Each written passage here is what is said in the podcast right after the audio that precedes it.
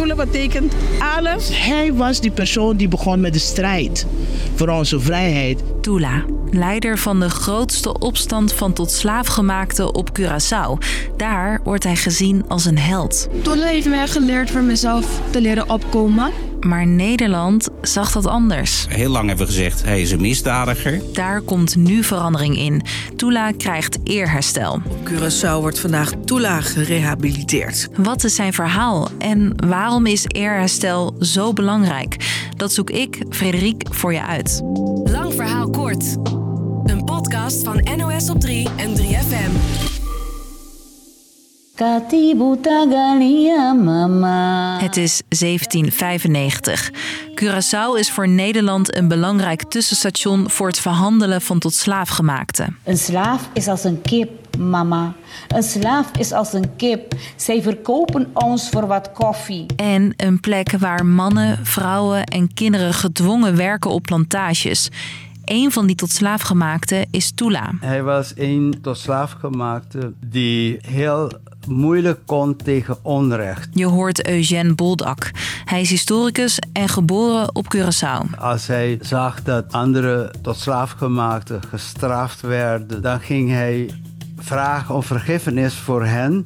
En daar werd, kreeg hij zelf ook weer een pakslag. Dat gevoel van onrecht gaat zo diep dat Tula op 17 augustus besluit te stoppen met werken. Hij vindt. Als vrijheid een universeel ideaal is, dan moeten slaafgemaakten ook vrij zijn. Vertelt hoogleraar rechtsfilosofie Wouter Veraard. Heel veel mensen sloten zich bij hem aan. De opstand begint met 50 man, maar de groep groeit uit tot zo'n 2000 opstandelingen.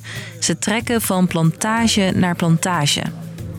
Ze komen in opstand tegen de plantagehouders, maar... De regeringstroepen, zeg maar, hadden meer, meer strijders... met als gevolg dat de tot slaafgemaakten verloren. Na een bloedige strijd wordt Tula en de andere vrijheidsstrijders... op 3 oktober opgepakt, gemarteld en vermoord. We hebben nooit iets van onze eigen geschiedenis geleerd. Als je het verhaal van Tula niet bij geschiedenis hebt geleerd, ben je niet de enige.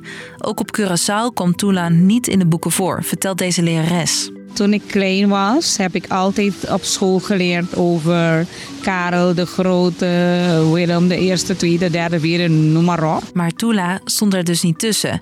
In Nederland werd zijn opstand namelijk lang gezien als een misdaad en vergeten. En op Curaçao worden vooral Nederlandse lesmethodes gebruikt. En Tula wordt daar helemaal niet in genoemd. Dus um, ja, de rol van Tula in de klas is heel klein. Langzaam komt er verandering in. Sinds 2010 is hij een nationale held op Curaçao. En op 17 augustus, de dag dat hij in opstand kwam, wordt hij herdacht ieder jaar. En dat is groot. Die herdenking van de opstand van Tula neemt op Curaçao een grotere plek in dan Kitty Kotti, de viering van de afschaffing van de slavernij. Want er is een verschil, zegt Eugène. De opstand is een initiatief van hier. Dat was een poging om vrijheid te krijgen. En de afschaffing van de slavernij is een beslissing in Nederland. De opstand van Tula blijft een bepalend moment, vinden nog steeds veel mensen op Curaçao. Vertelt deze man tegen Caribisch Netwerk. Het is belangrijk, Tula herdenken, omdat hij, hij is een man die eigenlijk voor ons vrijheid heeft gevochten. In Nederland komt er langzaam erkenning.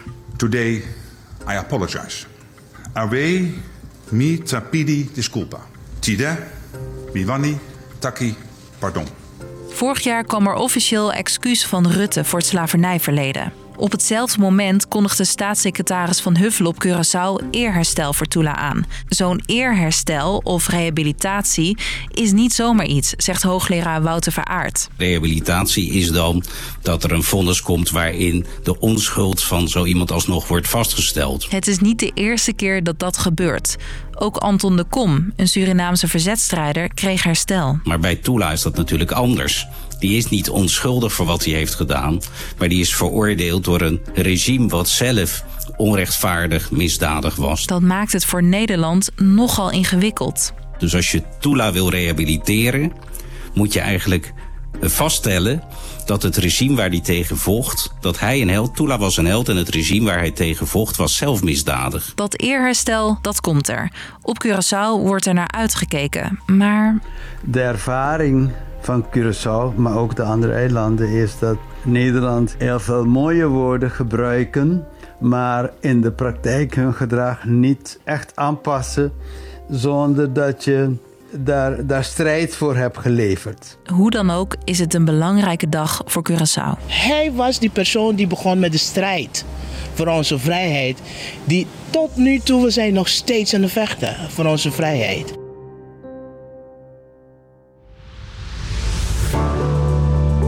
Dus, lang verhaal kort.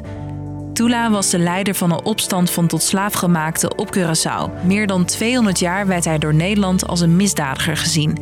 Door eerherstel komt daar nu verandering in. En die erkenning is belangrijk. Voor veel mensen op Curaçao is hij een held en verdient hij een eervolle plek in de geschiedenis. Was de podcast weer voor vandaag. Morgen weer een nieuwe. Doei!